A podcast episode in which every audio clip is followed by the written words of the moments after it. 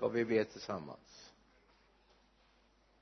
Far jag bara tackar dig för din stora omsorg din kärlek och din nåd. Herre kom bara och rör vid oss den här gudstjänsten fader. Herre låt ditt ord få gå djupt in myllas ner i våra hjärtan. Jag ber om det i Jesu namn. Amen. Amen. Amen vi ska ta vår utgångspunkt i femte Mosebok idag. Femte Mosebok. Det är faktiskt ett ord som återkommer också i nya testamentet vid några tillfällen. Sjätte kapitlet vers 4 till och med vers 9 femte Mosebok sjätte kapitlet vers 4 till och med vers 9 hör Israel. Herren vår Gud Herren är en. Och du ska älska Herren din Gud av hela ditt hjärta av hela din själ av hela din kraft.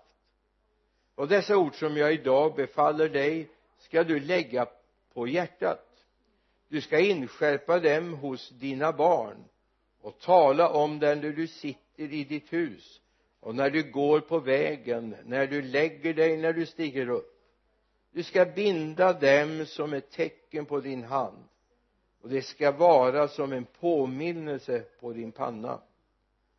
Och du ska skriva dem på dörrposterna i ditt hus och på dina portar. Amen. Jag ska börja med att berätta en liten händelse en familj i en av de församlingar jag tjänat hade anmält att de eh, ville bli foster eller stödfamilj. Det heter annat nu men det heter, heter på annat sätt då. Och framförallt hade man anmält det till socialen i Stockholm. De här bodde uppe i Dalarna eh, och en dag så kommer det en familj eller ett par ifrån eh, socialen i Stockholm och ska kontrollera om det här hemmet är fullt acceptabelt för att eh, ha fosterbarn. Det var mycket kontroller. Och de tänker inte på det att när de eh,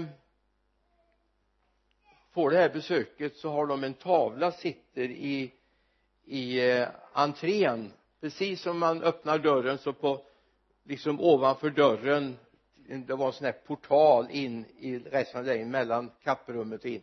Och där står det vi och vårt hus vi vill tjäna Herren ur Josua. Jag och mitt hus vi vill tjäna Herren står det där. Men vi och vårt hus vi vill tjäna Herren och så blir det citatet. Och de här från socialen när de bara tittade var nästan på väg att stänga dörren igen och gå. Men eh, det blev så. Under den tiden jag var i den här församlingen så hade de fosterbarn ifrån Stockholm. Tonåringar till och med. Men vi och vårt hus vi vill tjäna Herren. Jag kommer att tänka på det när jag ska skriva det på dörrposterna i ditt hus och på dina portar vad är det första folk ser när de kommer in hos dig? I ert hem. Vad är det första? Då tänker jag inte först och främst kanske på vad som står vilken tavla du har utan vad möter människor när de kommer till våra hem? Vad möter de? Möter de detta vi och vårt hus vi vill tjäna Herren. Vi älskar Herren vår Gud av hela vårt hjärta av hela vårt skäl av hela vårt förstånd. Eller vad möter de? Det är viktigt var vårt fokus finns. Och jag vet inte om Anette hade varit och sneglat i vad jag tänkte tala om för det var mycket sånger om jag älskar dig. Jag älskar dig, bekännelsen för det är precis vad jag tänkte. Hur är det med din bekännelse till Jesus? Hur många gånger säger du om dagen till honom jag älskar dig Jesus 25 gånger? Färre gånger? Fler gånger? Hur ofta säger du till Jesus jag älskar dig eller är det med dig som gubben sa till gumman när han, hon frågade du säger aldrig nu för tiden att du älskar mig och då sa han det det sa jag på bröllopsdagen. Och blir det någon förändring så ska jag säga till. Var det det du sa när du gifte dig? Var det så när du blev frälst? Hur många gånger om dagen säger vi att vi älskar varandra? Hur ofta säger vi att vi älskar Jesus? Så jag tänkte faktiskt att du ska få en möjlighet att säga Jesus jag älskar dig. Vi kan ju utbringa ett fyrfaldigt leve ibland och vi kan uttrycka saker tillsammans. Men skulle du våga säga nu jag älskar dig Jesus. Jesus jag älskar dig. Vågar du säga det? Känn på så du ser att det smakar väldigt gott i munnen att säga det. Jesus jag älskar dig. Jesus jag älskar dig. Jesus jag älskar dig. Vågar du vara med? Jesus jag älskar dig. Jesus jag älskar dig. Jesus jag älskar dig. Och säger du det från djupet av ditt hjärta och det är det här du menar det är det här som är viktigt för dig så händer det någonting i ditt hjärta. Det är så här det vet vi som har varit med några år att om någon börjar bli lite förtjust i någon va? Lite förälskad sådär. Till och med kär. Så helt plötsligt har de inte ögonen för någon annan. Det går knappt att få kontakt med sådana människor. Man får nästan säga hallå här är jag. Om den andra personen som de har fått känslor för finns i samma rum. Nu är det ju så här vet du att Jesus han är alltid i samma rum. Jesus är alltid i samma rum. Han är alltid intill oss. Och jag hoppas att du vågar uttrycka det här i bönen, i tacksägelsen. När du ber hemma, när du ber i församlingen fokus är Jesus jag älskar dig. Vi ska älska Herren vår Gud av hela vårt hjärta. Av hela vår själ av hela vårt förstånd. Eller av hela vår kraft. Vi ska älska honom. I första Johannesbrevets fjärde kapitel vers 19 det är en sån där nyckelvers i mitt liv. Den har funnits med mig i många år. Vi älskar därför att han först har älskat oss. När jag säger till Jesus jag älskar dig så svarar jag bara på den kärlek han redan har gett till mig. Jag svarar bara på det han redan har gjort för mig. Jesus jag älskar dig. När du har kommit in i det läget så du känner att det här är sant det här är inte bara en tom fras som jag säger då kan du med David som han uttrycker det i psalm 30 verserna 12 och 13 du förvandlade min klagan till dans. Du lossade min sorgdräkt och klädde mig i glädje. Därför ska min ära sjunga till dig utan att tystna. Herre min Gud jag vill tacka dig för evigt. Du förvandlade min klagan till dans. Du lossade min sorgdräkt och klädde mig i glädje. Om det är så. Om det är så. Då är det inte svårt att säga Jesus jag älskar dig. Du är mitt allt. Eller som Paulus uttrycker det när han står inför kung Agrippa. Apostlagärningarna 26 när han förklarar den kallelse, det uppdrag han hade fått. Då säger han att så här sa Gud till honom så sa Jesus till honom. Och jag ska rädda dig från eh, vers 17 18 vers 17 18 och jag ska rädda dig från ditt eget folk och från hedningarna. Och jag ska sända dig till dem för att öppna deras ögon för att vända dem från mörkret till ljuset och från satans makt till Gud. Så att de får syndernas förlåtelse och en plats bland dem som helgas genom tron på mig. Du ska vända deras ögon från mörker till ljus. Och det är ju det som har hänt med oss, eller hur? Förut var vi mörker säger Guds ord. Men nu har vi blivit ljus hoppas du är det hur var det Jesus jag älskar dig. Jesus jag älskar dig. I Kolosserbrevets första kapitel verserna 13 14 han har frälst oss från mörkrets välde och fört oss in i sin älskade sons rike. I honom är vi friköpta av för, har förlåtelse för våra synder. Han har frälst oss från mörkrets välde. Har du upptäckt det? Eller är du kvar där? Ja då kan du inte säga Jesus jag älskar dig. Då blir det ju bara en utantill läxa någonting som någon tvingar dig att säga. Men är det så att du vet att han har frälst dig från mörkrets välde och fört dig in i sin älskade sons rike? I honom är vi friköpta och har förlåtelse för våra synder. Han har frälst oss. Så då är det inte svårt att säga i glädje Jesus jag älskar dig.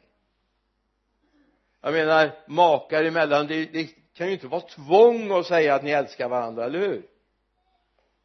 Det är ju inte så att du startar på morgonen och säger nu måste jag säga det här tio gånger idag till min min, min man eller min, min fru va? Och så får jag pricka av och när tionde gången är sagd så drar du en lättnadens suck. Nu var det avklarat för den här dagen också. Men tyvärr verkar det vara så bland läsarfolket.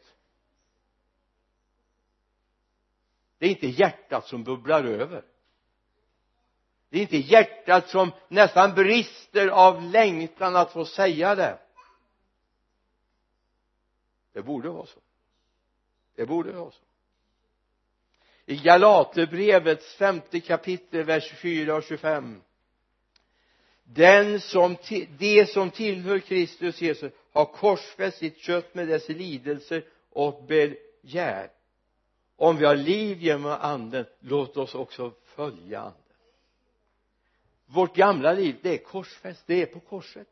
Det ska vi tala om nere i skräckland idag ska vi tala om korset? Den här märkliga symbolen som betyder så mycket för oss. Det är korset. Allt det gamla det är korsfäst. Det är borta. Jag har inte min identitet i det som var före jag var frälst. Jag har min identitet i Kristus. Och då kan jag vara glad och kan jag säga Jesus jag älskar dig. Därför du har betytt allt för mig. För Paulus säger ju i andra Korinthierbrevet 5 och 17 en sån här oerhört vanlig vers som vi ofta citerar. Om någon är i Kristus är han alltså en ny skapelse. Det gamla är förbi något nytt har kommit. Och jag hörde mängder av halleluja, eller hur var det? Inte vågen heller. Det gamla är förbi. Något nytt har kommit. Håll inte fast i det gamla. Då kommer aldrig friheten att komma i ditt liv. Säg aldrig som ny eller som kristen som pånyttfödd kristen att jag var så eller jag är sån och så relaterar du till ditt gamla liv. Du är en ny skapelse. Märker du det inte? Du är en ny skapelse. Och den nya skapelsen vill ständigt ständigt säga Jesus jag älskar dig. Jesus jag älskar dig. Från morgon till kväll. Vilken underbar förmån vi har och så står det i vers 18 i första kor 5 och allt kommer från Gud som har försonat oss med sig själv genom Kristus och gett oss försoningens tjänst. Allt kommer från Gud som har försonat oss med sig själv genom Kristus. Allt kommer från Gud. Det nya kommer från Gud. Att älska Gud utan att ha en baktanke. Det är det det handlar om. Det är inte så att jag ska ställa frågan Gud om jag älskar dig vad får jag för det?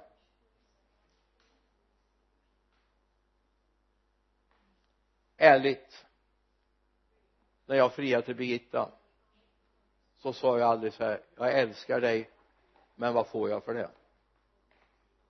Jag fick det väldigt bra men det var inte liksom utgångsläget. Vad fick, får jag för det?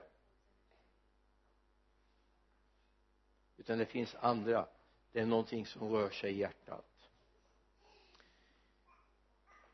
Det kristna livet är kärlek. Den utgivande kärleken. Då jag är beredd att avstå att offra saker för att få uppleva kärlek. Och då är det viktigt att komma ihåg alltså vi, vi möter ju nu det är ju snart sådana här hemska tider med pride och grejer. Där kristna har fallit i farstun och man läser inte bibeln. Och så blandar man ihop kärleksbegreppet och så säger man Gud är kärlek. Ja det är han men han är inte eros. Han är agape. Det är en väldig skillnad. Gud är inte eros kärlek utan Gud är agape kärlek. Den där som är beredd att ge sitt liv för sina vänner. I första Johannesbrevets fjärde kapitel verserna 7 till 10 då ska vi se så här. Mina älskade låt oss älska varandra för agape kärleken kommer från Gud. Var och en som älskar är född av Gud och känner Gud. Den som inte älskar har inte lärt känna Gud för Gud är agape. Som uppenbarade så uppenbaras Guds agape till oss står det. Han sände sin enfödde son till världen för att vi skulle leva genom honom. Detta är agape alltså kärlek. Inte att vi har älskat Gud utan han har älskat oss och sänt sin son till försoning för våra synder. Det här är alltså den där utgivande kärleken. Så när jag säger så här Jesus jag älskar dig så handlar det om jag är beredd att ge mitt liv för dig. Det kan kosta allt. Det kan kosta allt. Mitt fokus. Jag måste lämna allt det här som hör den gamla världen till. För att verkligen komma in i kärleken till Gud. Det kostar allt. Men det är värt det. Det är värt det därför Gud är den utgivande kärleken. Han gav sitt liv för din och min skull. Han dog på korset för vår skull. Så det är viktigt att vi upptäcker när människor säger men Gud är kärlek så då kan man acceptera vilken kärlek som helst. Då har man inte läst bibeln. Då har man läst något annat. Vad det nu kan vara för någonting men man har inte läst Guds ord. Man kan inte Guds ord. Gud är inte eros. Han är inte den mänskliga attraktionen. Utan Gud är den utgivande han som var beredd att ge sitt liv. Så ska vi också vara beredda att ge vårt liv för både syskonen och för Gud.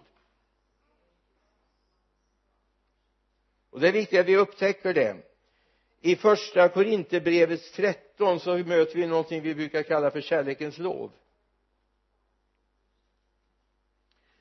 Så finns det en beskrivning som tyvärr oftast bara läses jag har sagt det ett hundratal gånger nu oftast bara läses i samband med bröllop och det är fantastiskt att läses där. Men det här handlar faktiskt om dig och mig här och nu fast vi inte är på bröllop idag. Vi är på förberedelse till bröllop vi är ju brudeskaran, eller hur va? Det står här kärleken är tålig och mild. Och då är det inte eroskärleken som är tålig och mild utan det är agape-kärleken som är tålig och mild. Kärleken avundas inte det är alltså agape. Den utgivande kärleken den avundas inte den skryter inte den är inte uppblåst. Den beter sig inte illa den söker inte sitt den berusar eh, brusar inte upp. Den tänker inte på det onda. Den gläder sig inte över orätten men gläds med sanningen. Allt bär den, allt tror den, allt hoppas den allt uthärdar den. Och då är det agape det står om. Guds utgivande, vår utgivande kärlek. Jag är beredd att gå den där extra milen. Jag är beredd att ge den där manteln extra om så behövs. Då handlar det inte om mig längre. Det handlar om att min kärlek driver mig. Kärleken till Gud driver mig. Vi älskar därför att han först har älskat oss säger Johannes.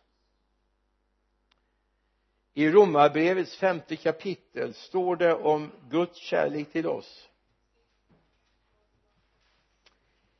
I fem och sju och fem och åtta.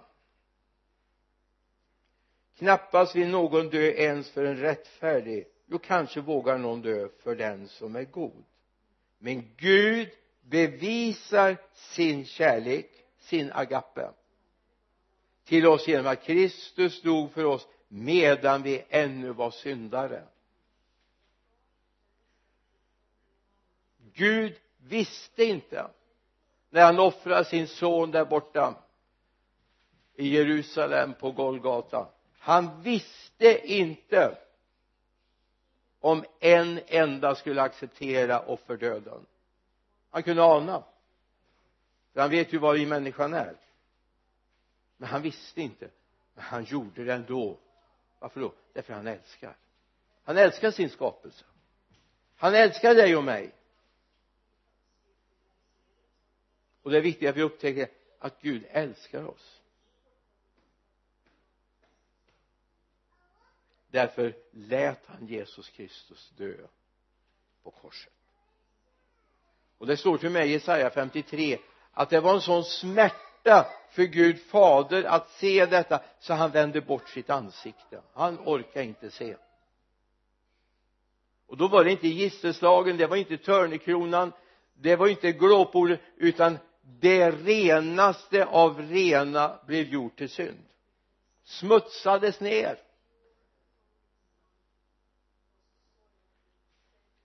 Vi kommer till det om en liten stund. Men det är otroligt vad kärlek kan göra med människor. Eller hur? Det är alltså det finns ingen uppoffring i världen jag hade tänkt faktiskt att jag skulle spelat upp ett litet videoklipp nu. När Daniel, prins Daniel håller sitt tal till Victoria på bröllopsdagen. När han den här passagen när han talar om att Victoria skulle åka bort ett antal dagar och hon hade skrivit ett brev för varje dag. Han fick bara lov att öppna det brevet med den dagens datum alltså ja i och för sig hon kanske har lätt för att skriva brev. Det är möjligt. Jag har aldrig haft det. Eh, men jag bara tänkte vilken uppoffring. Men det bevisar någonting. Alltså det finns inga uppoffringar när kärleken finns där. Det finns aldrig så att vi säger ja men det här är bökigt, det här var svårt, det här är problematiskt. Utan kärleken gör att vi sätter fokus på den vi älskar jag menar man kan bli galen av kärlek, eller hur? Jag åkte 32 mil enkel resa för att hälsa på Birgitta ett par timmar på måndag morgon måndag förmiddagen. Och sen åkte jag de där 32 milen tillbaka igen. Och jag menar skulle någon fråga nej men hur klarar du det? Hur ja men det är väl ett jätteoffer. Nej men det är inget offer. Det är ju inte det. Det är ju inte det. Utan när vi har fokus på kärleken och problematiken med många kristna är att man tappar fokus på Jesus. Man tappar fokus på på kärleken från honom. Man tappar fokus till kärleken till honom till honom. Och då börjar vi flacka ur. Då fyller vi våra liv med så mycket annat tänk om jag skulle ha ringt Birgitta och sagt nej du vet att vi har så mycket här så att jag vet inte om jag har tid att komma idag. Det är så mycket kul de ska ut och bada idag så att ja men jag tror inte jag åker. Det fanns ju ett gäng ungdomar där som jag hade stort ansvar för. Men jag satte mig i bilen ändå på tidig måndag morgon för att åka ner till Örebro. Alltså tänk när vi börjar säga till Jesus jag vet jag har så mycket idag så jag hinner inte. Jag hinner inte be jag hinner inte läsa jag hinner inte vara med dig. Du har aldrig så fullt att du inte har tid med den du älskar. Aldrig så fullt så att du inte hinner läsa Guds ord du inte hinner be med den du älskar. Men älskar du honom inte ja men då förstår jag att det inte finns tid över. Men det är viktigt att vi ser att kärleken driver oss. Därför vi vet han älskat oss.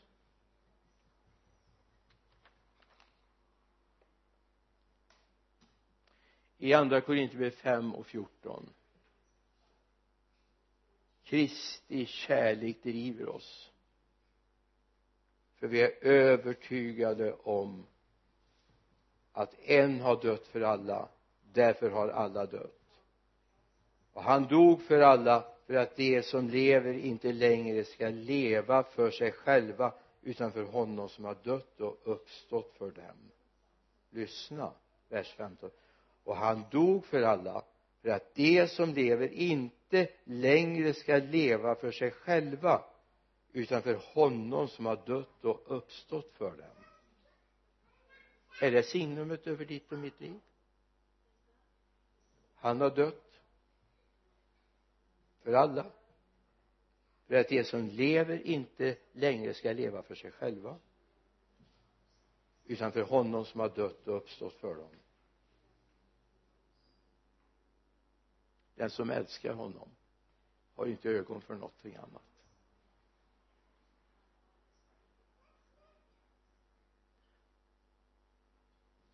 Det finns människor som har mål i livet.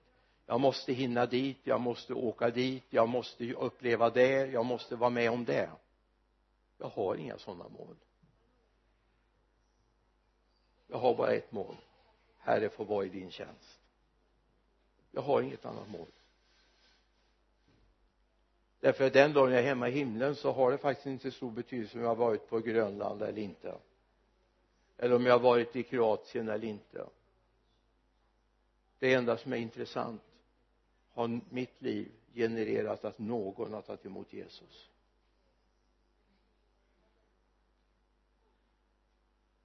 Det är det enda det handlar om. Jag har inga andra mål. Jag har bara ett mål att människor ska få lära känna honom. Vad har du för mål? Vad är det som driver dig? Är det Kristi kärlek? Eller är det kärleken till den här världen? Vad är det som driver dig? Vad är det som är viktigt? Det är inte så underligt att Hebreerbrevets författare försöker uppmuntra oss uppmana oss eller använd vilket uttryck du vill Hebreerbrevet 12 och 2 och låt oss ha blicken fäst vid Jesus. Låt oss ha blicken fäst vid Jesus trons upphovsman och fullkomnare. För att nå den glädje som låg framför honom uthärdade han korset utan att bry sig om skammen och som sitter nu på högra sidan om Guds tron. Låt oss ha blicken fäst vid Jesus. Var har du din blick? Är det pensionsavsättningen? Är det lönerna? Är det upplevelserna? Vad är var har du fokus? I Matteus 6 och 33 så är sök först Guds rike och hans rättfärdighet så ska allt det här andra tillfalla dig också. Börja i rätt ända. Det står att i första Mosebok 6 vers 5 du ska älska Herren din Gud av hela ditt hjärta av hela din själ och av hela din kraft. Du ska älska Herren din Gud av hela ditt hjärta och hela din själ och av hela din kraft. Det var det som också skulle stå på dörrposten och dörrträet på porten. Vi älskar Herren vår Gud av hela vårt hjärta. Det finns inte plats för kompromiss. Det är on eller off. Det är det det handlar om. Gud delar aldrig. Börjar mitt hjärta bli mer intresserad av min hobby av mina intressen så kommer kärleken till honom att svalna. Det är så det handlar om att älska vår Gud. Älska honom som vi faktiskt inte med våra fysiska ögon har sett än. Som vi inte med vår kropp har mött än. Men som Guds ord och anden har uppenbarat för mig att han finns. Honom ska jag älska. Det har funnits många sätt att ta bort den här fascinationen av Jesus och jag säga en av de mest påkostade eh, sakerna som har kommit i de senare åren det är filmen som Mel Gibson regisserade The Passion of Christ. Alltså det är en av de absolut mest påkostade vanföreställningarna om Jesus. Och ändå gick tusentals kristna och fascinerades av det varför då? Jo därför man inte förankrade i ordet.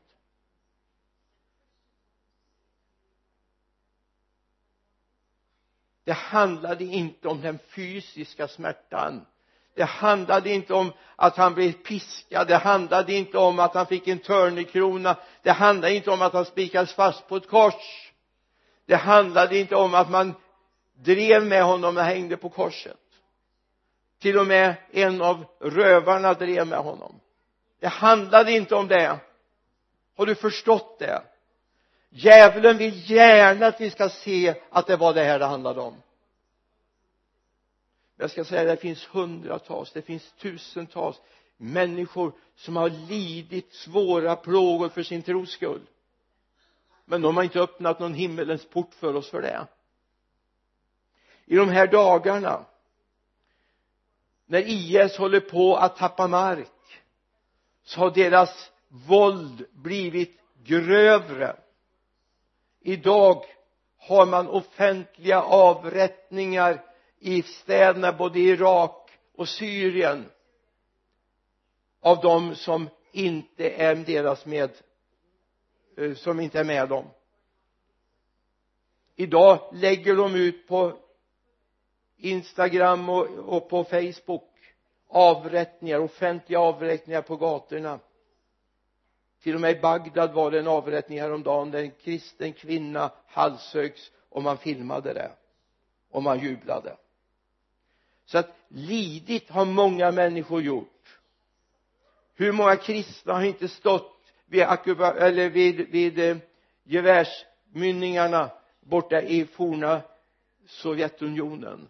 För att de hyllade Jesus och inte kommunismen. Det var inte det här som var hemligheten med att Jesus led för oss. Hemligheten var att han bar din och min synd. Han blev nedsmutsad det renaste som fanns i hela historien. Han som var utan synd gjordes till synd för din och min skull. I andra Korinthierbrev 5 och 21 läser vi han som inte visste av synd honom gjorde till Gud till synd i vårt ställe för att vi i honom skulle bli rättfärdiga inför Gud.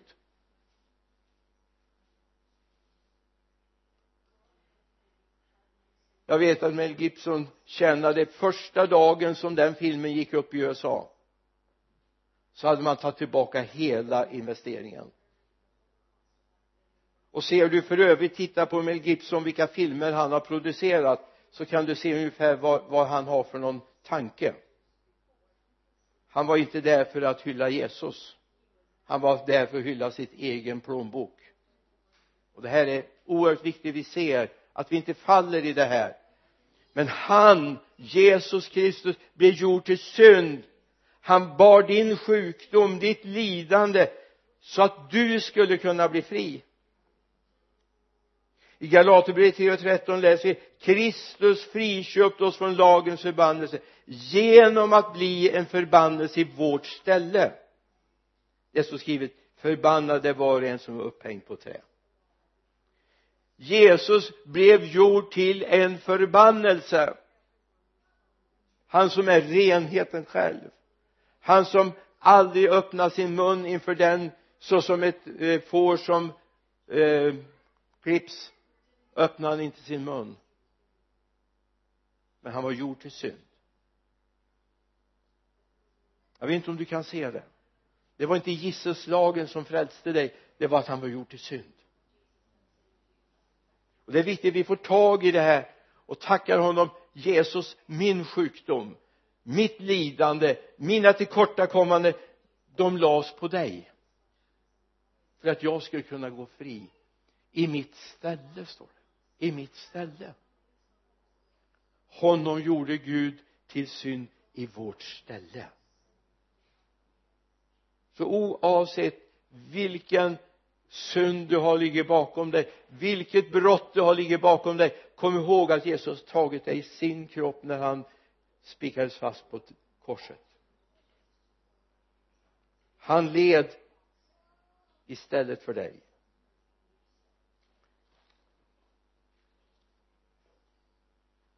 Det finns människor som har blivit korsfästa.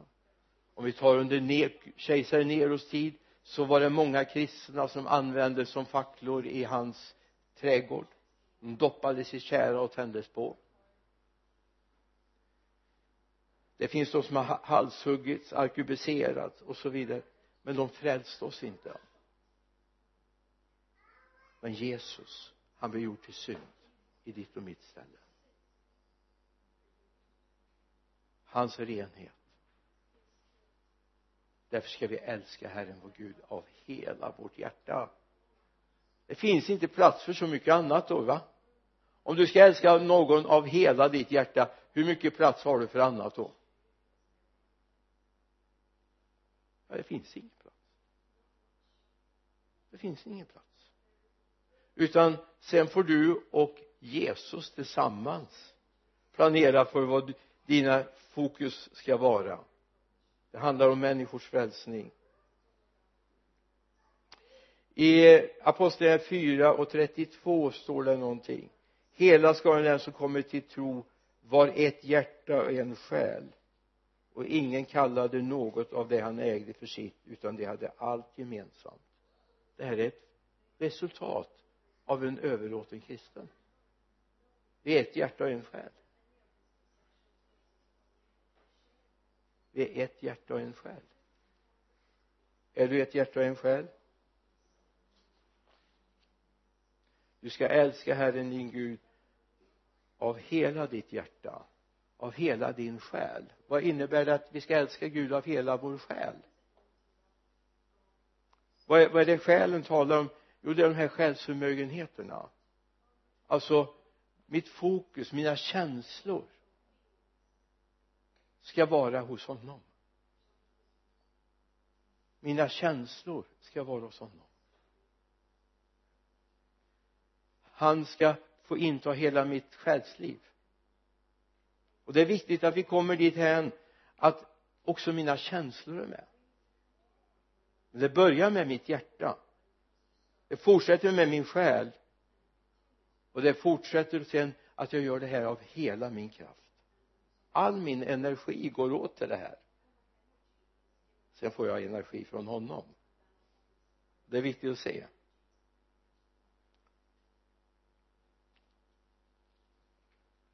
Att älska. Att älska Gud, att älska någon medmänniska kan ju aldrig vara en uppoffring. Eller hur? Men när föräldrar älskar sina barn det är väl inte en uppoffring. Det är ju en förmån. Även när barn är stökiga det vet man kommer man upp i tonåren kan man vara lite stökig. Men man älskar ändå. Eller hur? De är värda att älska även då. Och det är viktigt att vi ser det.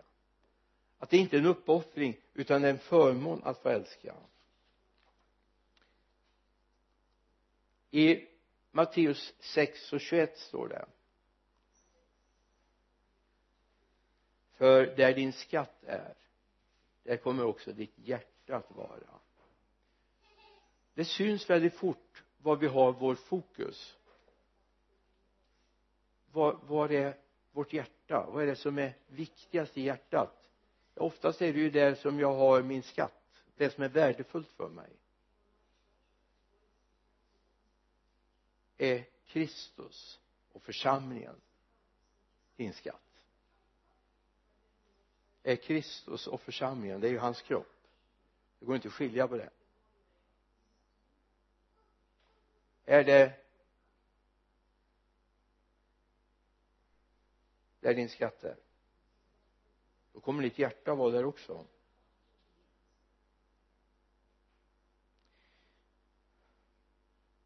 Bara innan vi landar. Ska jag ta er med till uppenbarelseboken? Andra kapitlet. Jag tror det var andra kapitlet. Förlåt nu. Vers 4 men jag har en sak emot dig. Att du har övergett din första kärlek. Vers 5 kom därför ihåg varifrån du har fallit och vänd om och gör dina första gärningar. Annars om du inte vänder om kommer jag till dig och flyttar din ljusstake från dess plats. Att flytta ljusstaken när det står om det så är det värdigheten i Kristus. Rätten att få kallas Guds församling. När inte ljusstaken finns där då har jag inte rätten längre att vara en församling. Jag bara funderar på hur många sådana ljusstakar som har blivit flyttade den sista tiden egentligen. När det står i vers 4 din första kärlek så kan man läsa in när vi läser den svenska texten att den där kärleken vi gjorde första tiden. Men faktum är att det, det står inte det står den första i betydelsen prio. Det som har första prioritet i ditt liv där, där kärleken sätts först. Inte som det var från första tiden. Det var det förmodligen första tiden. Men den där att kärleken till Jesus är ditt prio det, det, det som är viktigast för dig. Det, det står faktiskt i den bemärkelsen. Varför har du uppge, övergett det här att han är i fokus för ditt liv? Betänk då varifrån du har fallit. Det har kommit in så mycket annat i, vid sidan om så du har tappat bort fokus på honom. Och så var det ju det här då med bekännelsen Jesus jag älskar dig. Du har inte tappat bort det. Ska vi påminna varandra igen? Känns det som det skulle kännas bra och säga Jesus jag älskar dig. Jesus jag älskar dig. Jesus jag älskar dig. Jesus jag älskar dig. Amen. Herre låt det här bara få falla ner i våra liv. Herre jag ber att det här ska få bli ett prio i våra liv verkligen att vi älskar dig Jesus. Och att det får styra vår tillvaro och våra liv fullt ut. Jag ber i Jesu namn. Amen. amen